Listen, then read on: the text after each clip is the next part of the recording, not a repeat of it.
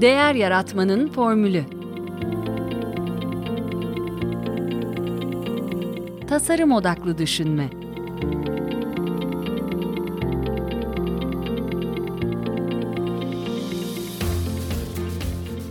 Merhaba, ben Mete Yurtsever. Değer Yaratmanın Formülü Podcast'inde bugünkü konuğum Doktor Hüseyin Güler, Kastamonu Entegre AŞ İş Planlama ve İnovasyon Direktörü. Hoş geldiniz Hüseyin Bey. Merhaba Mete Bey. Ben de programlarınızı zevkle takip ediyorum. Bugün konuk olmak çok kıymetli benim için. Çok teşekkür ederim. Bunu duyduğuma ayrıca sevindim. Ee, ben yine kısaca isterseniz dinleyicilerimize size tanıtayım e, hızlıca. Ee, Hüseyin Bey endüstri mühendisi. Ee, 20 yıllık iş yaşamında TÜBİTAK'ta araştırmacı olarak adım atıyor. Sonra e, özel sektörde geçirdiği e, 3 yılın ardından Türksel ve Tofaş'ta TÜBİTAK'a dönüyor.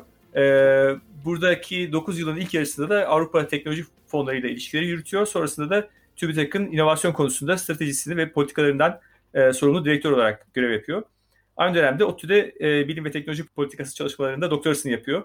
E, doktorası da e, Türk bilgi ve iletişim teknolojileri ekosistemi ve işbirlikleri e, hakkında.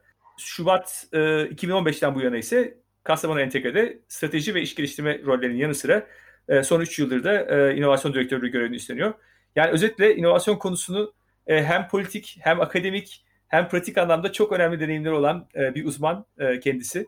İnovasyon tanımınız da değer yaratan bir yenilik. E, bu da bizim e, podcastimizin ismine çok yakışan bir, e, bir isim. Değer yaratmanın formülüne. E, o yüzden çok teşekkür ediyorum tekrar katıldığınız için. Hocam ben e, özel sektörden e, TÜBİTAK'a geçmenizi merak ediyorum başlarken. E, inovasyon ateşi o zaman mı e, düştü içinize?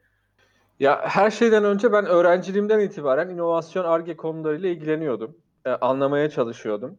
2000 yılında sanıyorum e, bir makale yazmaya başladım. E, o makale yazma sürecinde daha doğrusu orada 21. yüzyılda yani bir böyle öğrenciyken hepimiz idealist yaklaşımlarımız vardır. Yani dünyayı değiştirmeyi düşünürüz filan. İşte ben, biz de o, o şeyden geçtik yani o, o o patikadan geçtik. Ben de bir makale yazıyordum. Yani 21. yüzyılda Türkiye için e, rekabet önerileri diye bir e, makale çalışması vardı. O dönemde Sabancı Üniversitesi'nde profesyonellerin katıldığı teknoloji öngörüsü konferansını olduğunu ben duydum ve açıkçası makalemle e, bir bağ kurabileceğime inandım. Sabancı'yı aradım. Dediler ki paralı bir konferans. Ben de öğrenciyim. Yani ben öğrenci olarak katılamaz mıyım falan dedim. Yani yok dediler falan işte katılamazsın. Neyse ben öğrenci olarak paramı ödeyip yani 200 kişi arasında tek öğrenci olarak e, İsviçreli bilim adamı Çirki'yi dinlemeye gittim. Tabii orada birçok bilgi aldım. Yani o makaleme filan e, ciddi katkısı olabilecek bilgiler aldım ama ben de o orada aslında ARGE ve inovasyon alanında çalışmak istediğimi anladım o gün. E, zaten e, makalenin büyük bir kısmı da buna odaklanmıştı. O dönemde işte dönemin e, e, dış ticaret müsteşarı Kürşat Tüzmen'den e, ödül aldım. Ekonomistler platformunda o makale birinci oldu. Sonra Kemal Derviş'ten ödül aldım filan. Böyle yani o ödediğim paranın karşılığında e, ciddi bir kazanç da elde etmiş oldum. Ama bu benim e, hayatımda e, dönüşüm yapacak bir e, şeyi de yani bir düşünsel devrimi de yarattı. E, işte e, Türksel ve Tofaş'taki çalışmalardan sonra e, TÜBİTAK'tan teklif gelince ben düşünmeden e, kabul ettim yani. Çünkü ARGE ve inovasyon alanında çalışmak e, biraz da işte makalenin de etkisiyle yani o dönemde hayal ettiklerimi e, pratiğe dökebileceğim bir dönem olabileceğini ben e, kendi kafamda öngördüm. Buna göre planlar yaptım filan. Ve hiç düşünmeden Hı. ki o vakte kadar Ankara'da çalışabileceğimi hiç böyle aklımın ucundan bile geçmiyordu. Böyle yani, tek bir bavulla işte bir Temmuz günü kalkıp 2014 2004 yılında pardon Ankara'ya gittim. Yani hikaye böyle başladı aslında. Harika. Yani e, işte e, sizin oradaki kararlılığınız hep yaşam öykülerinde de bu ortaya çıkıyor ya. Yani e, bir zorluk, e, o zorluğu bir şekilde aşıyorsunuz ve e, o ama size bir tutkuya dönüşüyor bir yandan. Yani onun için yaptığınız çaba e, sizde e, çok daha uzun süreli bir e, etki yaratıyor. E, peki e, ben e, sizinle aslında e, ve Kastamonu Entegre ile iki yıl önce e, tanıştım. E, bu benim eksikliğimden de kaynaklanıyor belki. E, biraz da B2B ağırlıklı bir şirket olduğu için belki ama fakat ya 50 yıllık bir firma ve e, İtalya gibi e, mobilya trendlerinin ve tasarımın öncüsü bir pazarda e, faaliyet gösteren onun yanı sıra 6 ülkede de yine e, üretim yapan, e, Türkiye'deki üretimin yaklaşık üçte birini ihraç eden, dolayısıyla gelirlerin e, %60'ını e, Türkiye dışından elde eden e, bir global bir oyuncu. Bir sektörde e, bir Türk firmasının nasip olmayacak bir yere sahip e, dünya pazarında da ağaç bazlı panelde e, dünyada yedinci e, galiba. E, yani e, yedinci evet. E, biz tabii e, MDF, e, Yonga Levha ve OSB ürünlerinden oluşuyor ağaç bazlı panel sektörü. OSB üretiminde yokuz. MDF ve e, Yonga Levha olarak baktığımızda aslında e, ilk dörtteyiz yani dünyanın ilk dört büyüğü arasındayız. Ama total sektörel olarak baktığımızda yedideyiz. Laminat parkede global olarak %6-7 oranında global pazar payımız var. Aslında e, bölgesel bir devden yani global bir marka olmaya hedef koymuş bölgesel bir e, firmadan e, bahsediyoruz. Özellikle işte Balkanlar, Türkiye ve Rusya coğrafyasında çok aktif. Tabi buna bir de dediğiniz gibi İtalya'yı da e, gündeme kattık. Bununla birlikte 100'den fazla ülke ihracat yapan 1.3 milyar dolar konsolide cirosu olan e, ve bunun e, artık yarısını hatta yarısından fazlasını yurt dışı operasyonlarından elde eden bir e, yapıdan bahsediyoruz. Muazzam. Ee, peki sizin gelişinizle beraber e, sanıyorum 2014-2015 yılında e, bir globalleşme hedefiyle e, inovasyon kaslarının güçlendirmesi gerektiğine inanıyor e, firma. E, Sabancı Üniversitesi'yle çalışmaya evet. başlıyorsunuz. E, 2016'da e, InnoSuite'e katılıyorsunuz. O günlerden biraz bahseder misiniz? Temel tartışmalar hangi konular etrafında e, cereyan ediyordu? Ya Kastamonu Entegre dediğiniz gibi 50 yıllık bir firma. E, aşağı yukarı e, 20 yıllık hatta daha fazla bir globalleşme serüveni var. Özellikle Doğu blokundaki e, devlet tabanlı şirketlerin e, güçlükler yaşamaya başlamasıyla birlikte özellikle Romanya ve Bulgaristan pazarlarına satın almalarla 20 yıl önce globalleşme hikayesini başlatıyor. Ee, ve esasında 2000'li yıllarla itibaren büyük bir büyüme ivmesine giriyor. Mesela 1998'de ISO 500 sırasında 350'lerdeyken e, artık 11 yıldır aralıksız olarak e, ilk elde yer alıyoruz. Tabii e, özellikle Tour programına hazırlık süreciyle birlikte firma e, kendisinde güçlendirmesi gereken hani malum Acer'ın CEO'sunun ortaya attığı bir tebessüm eğrisi e, kavramı var. Tebessüm eğrisi hani böyle bir tarafı aslında marka değerini arttırmaktan söz eder. Öbür tarafta ARGE ve inovasyonla aslında özellikle gelişmekte olan ülkelerdeki firmaların daha fazla değer yaratabileceklerine dair bir e, önermesi var. E, bu konu bizde çok tartışılmış. Ben o dönemde Kastamonu Entegre bünyesinde değildim. E, özellikle Tur Quality hmm. hazırlık sürecinde e, bunlar tartışılıyor ve deniyor ki biz firma olarak dünyanın ilk 5 sektörümüze ilk 5 arasına girebiliriz. Ve bunu yaparken de global bir marka olacağız. Yani tabii ilk 5'e girebilirsiniz ama bir de global bir marka olmak e, bunun e, ne diyelim ilavesi, tamamlayıcısı. Aslında Tabii, katma değeri de yükseltmeyi kastediyoruz. Benim Kastamonu Entegre ile tanışmam ve esasında e, gerçekten e, yerli bir e, firmanın kendisi ve çok da kamuoyunda çok da bilinmeyen ama inanılmaz bir büyüme ivmesi yakalamış bir firmanın e, globalleşme yolculuğuna, marka yolculuğuna, e, katkı yapabilecek olmak benim için çok kıymetliydi o dönemde. Biraz da işte sizin bahsettiğiniz doktora tezimle de ben esasında bir bağ kurdum. Çünkü orada da şunu e, şey iddia ediyorum. Yani firma e, daha orada tabii bireyler bazında bakıyorum daha çok doktora tezimde ama bir bireysel olarak araştırmacıların e, hem yurt dışı işbirliklerine hem de yurt içi işbirliklerine bir denge yakalamaları gerektiğini, buradan yakalayacakları optimum bir bakışın e, bambaşka katma değerler doğurabileceğine dair bir savun var. Yani bu e, uluslararasılaşma hikayesi Kastamonu Entegre'nin yerel olarak iyi büyümüş, satın almalar yapmış, sıfırdan yatırımlar yapmış, globalleşme hamlesini de çok güçlü yapan, artık uluslararası piyasada tanınır bir şirketin daha da ileriye gitmesine e, katkı yapabilecek olmak benim için çok kıymetliydi. O dönemde e, tabii e, şöyle e, Kastamonu Entegre'nin muazzam kaliteli bir ekibi var esasında. Yani hiçbir başarı durduk yere olmuyor. Sonuçta Mutlaka. biz rakiplerimizle aynı makinaları kullanıyoruz. Üç aşağı beş yukarı aynı yatırımlarla tesisler hayata geçiyor. Ama yıllar içerisinde ortaya koyduğumuz bir fark var. Bu da işte e, yönetim kurulu başkanımızın, CEO'muzun önderliğinde e, bir ekip başarısı, çok e, değerli bir sinerjinin yansıması. Ya, böyle bir ortamda ben de e, değer yaratabileceğime inandım açıkçası. Yani 2015'lere gidersek yani böyle bir e, işte e, olumlu bir ortamdan söz edebiliriz aslında. Peki şimdi mesela hemen ileri sararsak bugüne geldiğimizde elde ettiğiniz sonuçlar e, olarak baktığınız zaman tekrar bunların hep detayını konuşacağız ama e, 2015'ten e, 2020'ye gelirken ki e, attığınız adımların e, meyvesini nasıl topladığınızı düşünüyorsunuz? E, nasıl bir e, ivmede bir e, veya o eğride bir e, çıkış yarattı e, bu attığınız adımlar? Yani bir şey yapmamış olsaydınız 2015'te bugün nerede olurdunuz? Bu, bu yaptıklarınız sayesinde e, bugün neredesiniz? Ya bir defa şeyi iki iki şeyi bir arada e, konuşmak lazım. Yani bir tanesi e, şirketin zaten global bir ivmesi var. E, çok hı hı. E, kıymetli bir profesyonel bir yönetim ekibi var. E, çok somut vizyon ortaya konmuş. Çalışan kalitesi çok yüksek. Şirkete adanmışlık çok yüksek. Yani zaten hı. sizin de ifade ettiğiniz gibi 2015'ten bu yana mesela bizim e, Rusya'da e, ikinci yatırımımızı mesela devreye aldık. İtalya'da e, mobilya sektörünün kalbinde bir satın alma gerçekleştirdik. Amerika'da gene e, ham madde yönelik, wood chips yönelik operasyonlarımız oldu. Yani bu şekilde zaten global hedefler e, noktasında ilerliyoruz.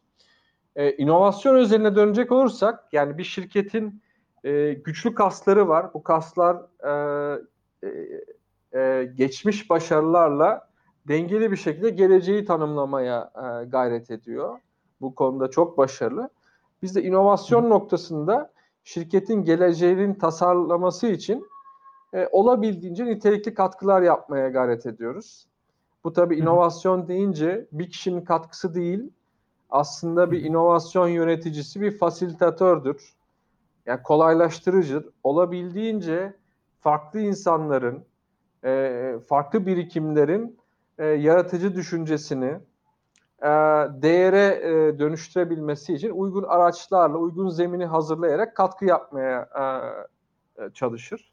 Şimdi hı hı. geleneksel sektörde faaliyet gösteren e, bir firma olarak ve de hani baktığımızda hı hı. E, hani Apple gibi, Google gibi e, ileri teknoloji algısı olmayan, halbuki bizim kullandığımız teknolojiler son derece güncel teknolojileri kullanıyoruz. Ama kamuoyunda böyle algısı olmayan bir şirkette bir şirket şuna inandı bu geçtiğimiz 5 yıl içerisinde. Evet ben inovasyon da yapabilirim ve bu inovasyon zaten yapıyorum. Ama şimdi artık daha sistemli, daha güçlü, daha katma değerli inovasyonları yapabilirim inancı pekişti ve artık Kastamonu entegre ve inovasyon kavramları yan yana geldiğinde bence çok da şık duruyor.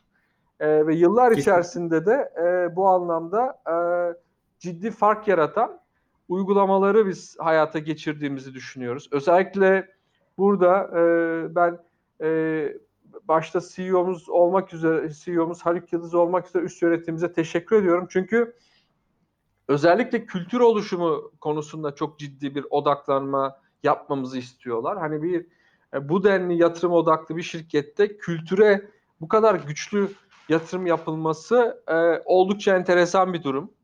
E, yani hemen ticaret çıktıdan ziyade inovasyon özelinde kültürü biz dönüştürerek ilerleyelim. Tabii ki küçük kazanımlar, görünür kazanımları da hayata geçiriyoruz.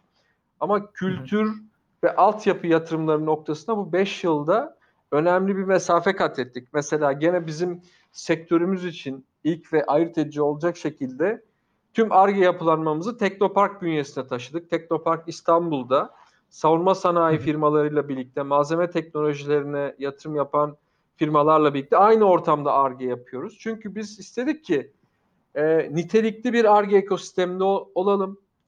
Öğrenebileceğimiz bir ARGE ekosisteminde olalım ve o ARGE ekosisteminde kuruluşlarla işbirlikleri yaparak ARGE'de daha hızlı ve daha fark yaratan bir noktaya doğru ilerleyelim. Mesela bu şirket özelinde büyük bir cesaret işiydi.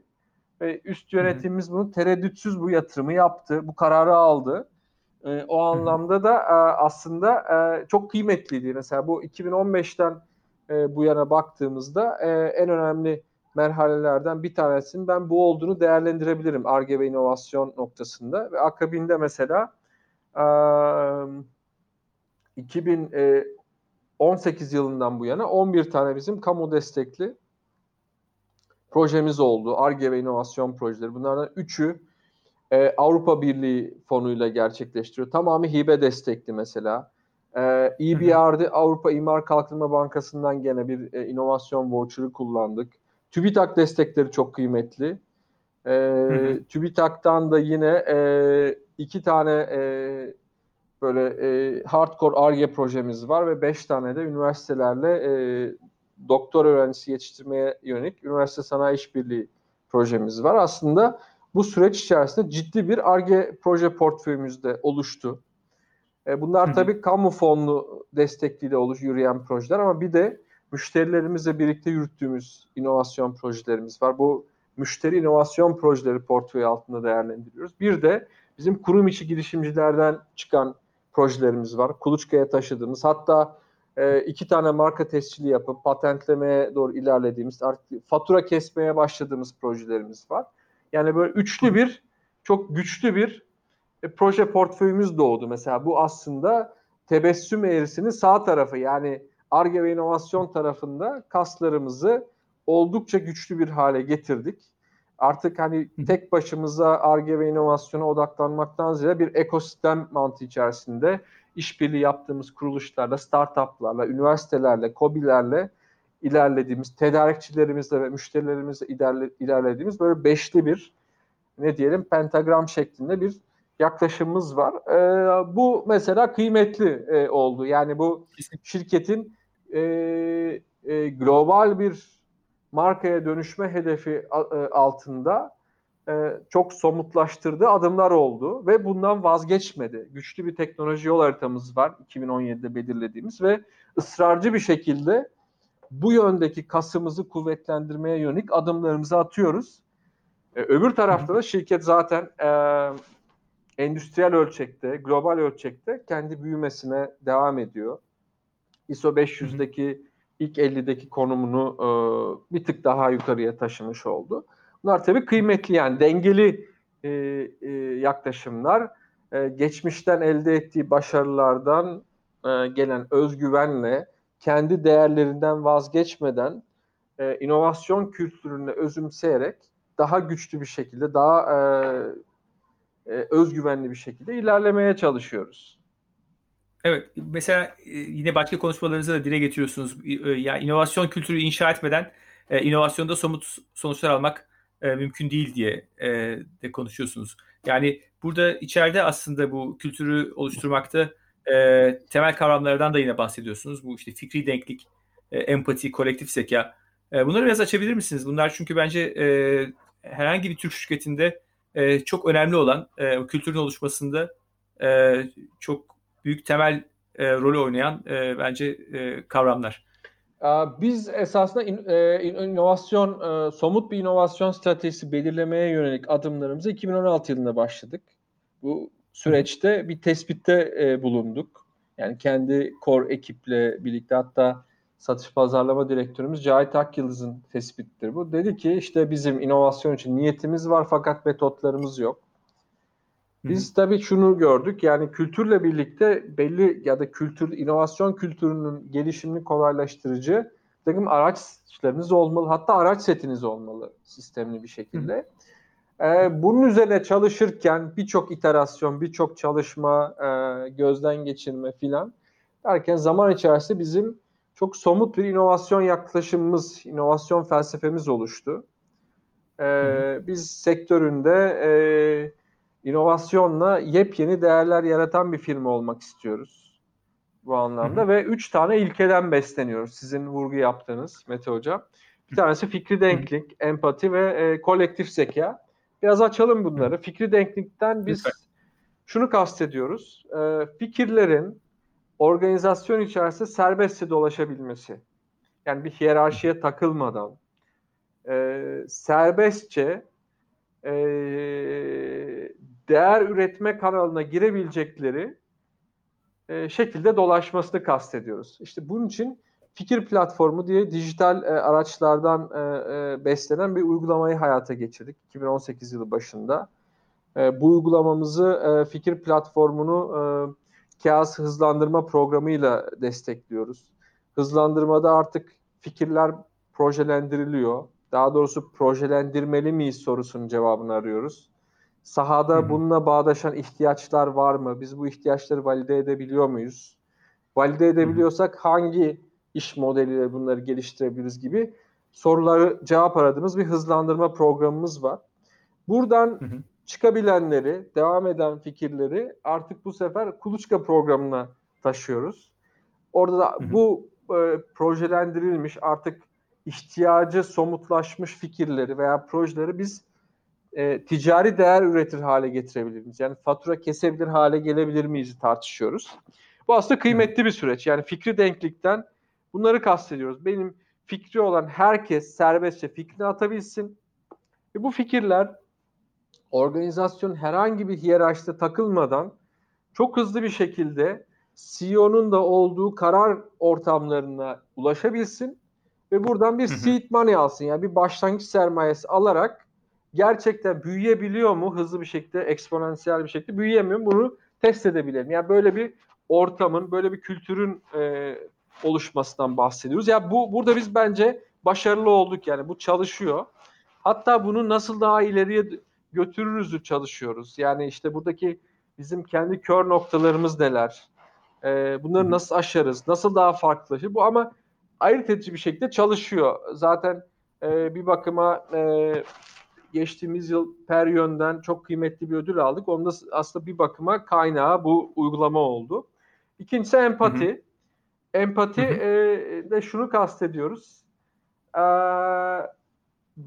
bizim kullanıcılarla, son kullanıcılarla, müşterilerimizle empati yaparak bir uygulamayı geliştirmek. Yani kafamıza göre değil, e, hı hı. gerçekten ürün odaklı evet, değil. evet, ürünümüzü kullananların e, bakış açısından yani onlar gibi onların onlar gibi düşünerek yani bir yargılamadan herhangi bir ön yargıya girmeden onlar gibi düşünerek onlar gibi hissederek ve bu hislerimizde ihtiyaçlara dökerek ürünlerimizi geliştirin veya illa ürün olmak zorunda değil servis ve hizmetler diyelim.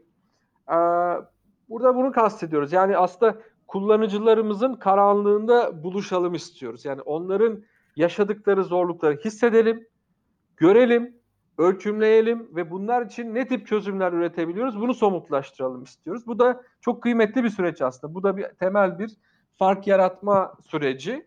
Mesela bu e, empatiyle yaklaşalım bakış açısı yani aslında bu 2017'lerde filan e, gündemimize gelen bir konuydu. Mesela 2019'da yaklaşık 2-2,5 yıl sonra bizde e, müşteri inovasyon proje portföyüne dönüşmüş oldu. Yani bir e, somut bir şeye de dönüşmüş oldu. Tabii burada da biz süper bir noktada değiliz. Burada da gelişim alanlarımız neler, neleri iyileştirebiliriz bu, buna bakıyoruz.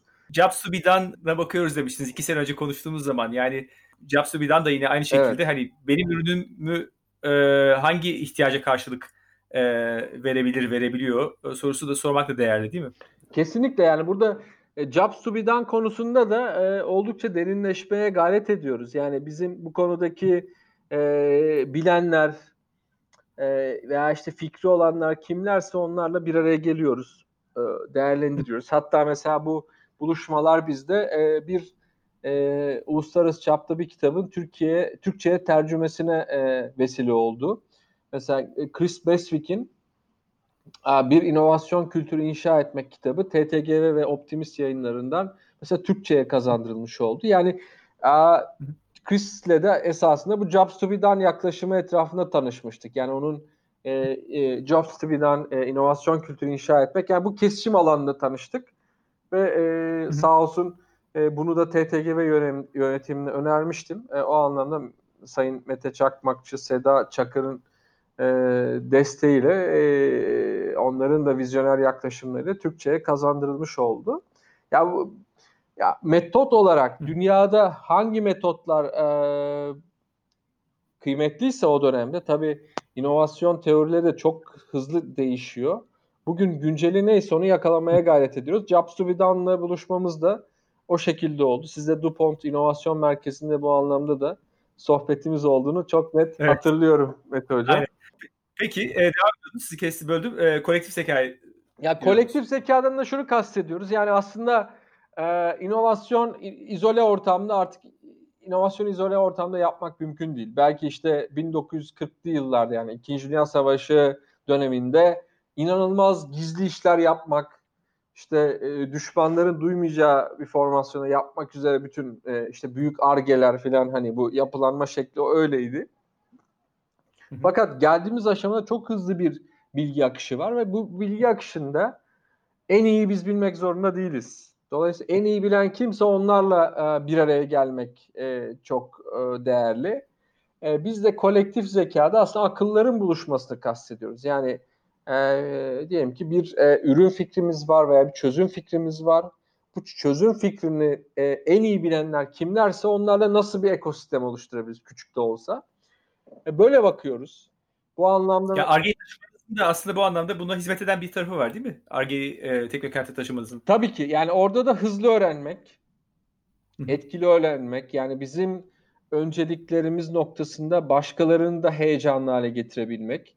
Ya böyle bir düşünce var. Yani hani tabii bu artık e, startuplar üzerine dönecek veya işte araştırma kuruluşları üzerine dönecek olursak e, yani dünyanın herhangi bir yerindeki bir e, startup yöneticisi veya işte bir e, araştırmacı bizim için bir anda işbirliği yapacağımız bir e, isim haline dönüşebiliyor.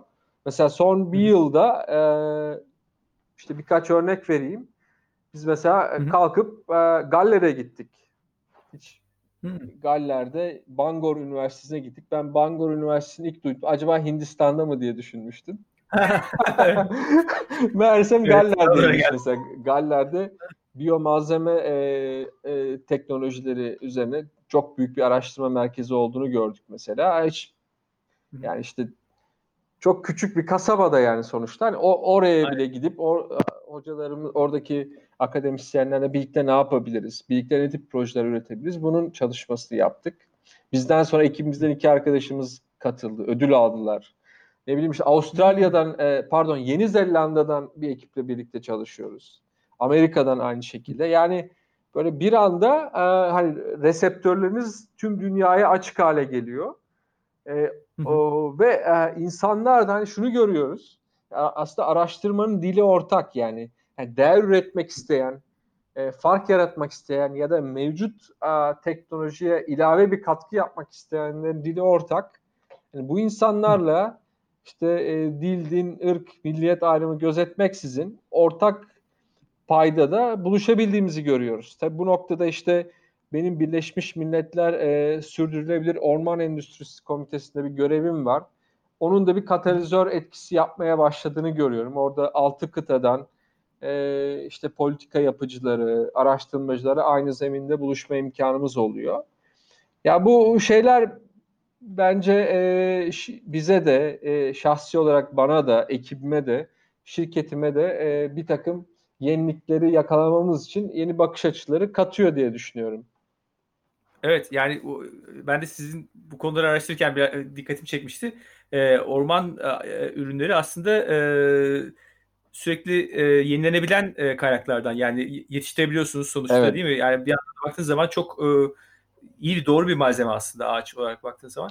E, bir de buradan şey geçelim isterseniz. Avrupa Birliği'nin bu Ufuk e, 2020 e, kapsamında EcoBalt projesi e, ne seçildi e, sizin 2017'deki e, teklifiniz? Ve ondan bahseder misiniz oradaki çalışmalarınızda?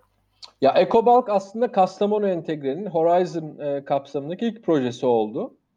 E, 2017 yılında e, bu proje desteklenmeye, daha doğrusu projeyi başlattık. Burada temelde e, Avrupa Birliği'nin sürdürülebilir kalkınma hedefleri çerçevesi, milenyum hedefleri çerçevesinde.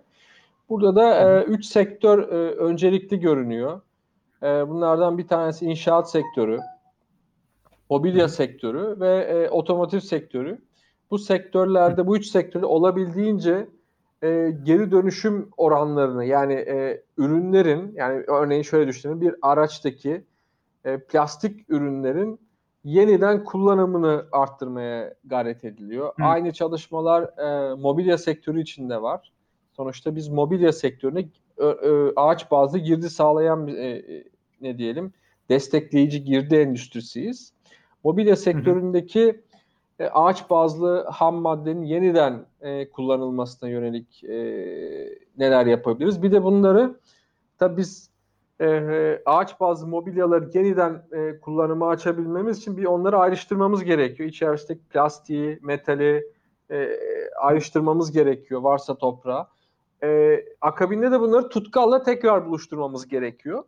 Burada artık biyo bazlı tutkallarla bunların olmasını istiyoruz. Dolayısıyla bu yönde de e, yeni bir deneyim bizim için. E, özellikle işte e, Finli, Alman, İsveçli, İtalyan e, şirketlerle e, birlikte veya araştırma kuruluşları birlikte çalışıyoruz. E, oradaki elde ettiğimiz deneyimlerini yurt içine e, katmaya gayret ediyoruz. Yani gene e, bizim gerek fabrikalarımızdan gerekse ARGE'mizden gene son derece kıymetli bir ekip bu konuda çalışıyor. Yani o hı hı. tabii ba- bir başlangıç oldu. Hı hı. Oradaki e, deneyimi kullanarak akabindeki süreçte iki projemiz daha e, başlamış oldu. Bir tanesi Öreka kapsamında İspanya ile işbirliği yapıyoruz. Orada artık e, yani bizim ürünlerimize dijital baskı yapılması söz konusu. Yani mesela bir levha üzerine sizin fotoğrafınızı veya istediğiniz bir figürü koyabiliyoruz. Bu bu teknolojilerin de endüstriyel olarak daha optimal düzeye gelmesi için e, çalışıyor olacağız. Gene TÜBİTAK'ın burada bize bir desteği var. E, üçüncü projede de daha çok gene e, EcoBulk Network üzerinden dahil olduğumuz bir proje bu da. Orada enerji verimliliği üzerine çalışıyor olacağız. Yani böyle şu anda hali hazırda e, işte e, 4 Eylül itibariyle yap başvurusunu tamamladığımız 4 projemiz daha var. Yani bu döngü olarak geliyor yani katlanarak geliyor. Ben ARGE ekibindeki her arkadaşımın e, bir kamu destekli projede yer almasını istiyorum. Dolayısıyla hmm. bir hedefimiz var. Çünkü hepimiz için bir öğrenme fırsatı bu. Aynı zamanda ARGE hmm. ekibimizde yer alan genç e, mühendislerimiz için de bir motivasyon vesilesi. Dolayısıyla yani Avrupa Birliği projeleri hem çok prestijli hem de bizim için yeni öğrenme kanalları açan, öbür taraftan da genç arkadaşlarımızın motivasyonunu arttıran bir konu. Çünkü baktığımız zaman bir projenin fonlanma oranı duruma göre %10'un altına bile düşüyor. Yani 100 projeden 9 veya 8 tanesi fonlanabiliyor. Yani bu, bu potaya girebilmek bizim için çok kıymetli özellikle. Bunun için e, daha çok çalışıyoruz, daha motive bir şekilde çalışıyoruz. Ve ülkemize de değer katmaya çalışıyoruz. Yani hani baktığımız zaman artık biz e, en çok Avrupa Birliği projesi olan şirketler arasında doğru ilerliyoruz. İlk ondayız herhalde. Daha da sayımız artacak diye inanıyorum açıkçası. Çünkü bunları vizyon projeleri olarak da görüyoruz. Peki bir yandan merak ediyorum Hüseyin Bey bu e, Kastamonu Entegre e, Hayat Holding bünyesinde e, holdingle e, bilgi e, birikim paylaşımınız oluyor mu? Ne şekilde oluyor? Şöyle e, Hayat Kimya e, yani kendi sektöründe global bir dev. Yani baktığımız zaman biz Hayat Holding olarak baktığımızda da Kastamonu Entegre ve e, Hayat Kimya olarak 14 binden fazla çalışanı olan 3 e, kıtada e, 14 ülkede fiili üretim yatırımları olan e, bir grubuz esasında. Biz ARGE e, ve inovasyon üzerinde Hayat Kimya ekibiyle esasında e, e, değerli bir sinerjimiz var. Özellikle mesela ARGE konularında e, biz hayat kimyaya e, daha, daha doğrusu biz hayat kimyanın yeteneklerinden besleniyoruz. Çünkü bizden çok daha iyi bir noktadalar. Daha büyük bir ARGE ekipleri var.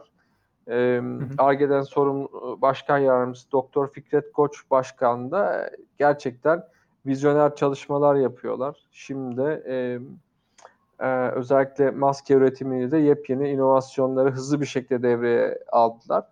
ARGE konusunda biz e, hayat kimyadan besleniyoruz. Onların know-how'ından, e, onların oluşturdukları süreçlerden, yaklaşım tarzlarından. E, inovasyon, e, kurumsal e, manadaki inovasyon sistemleri özelinde biz onlara katkı vermeye gayret ediyoruz. Mesela biz InnoSuite programına katılmıştık timin. Akabinde e, Hayat Kimya'nın da e, bu programa katılmasının faydalı olacağını e, önerdik. E, onlar da programa katıldılar veya işte e, işte fikir platformu gibi uygulamaların daha hızlı bir şekilde içselleştirilmesi konusunda yani gerçekten e, sinerjik bir yaklaşımımız var.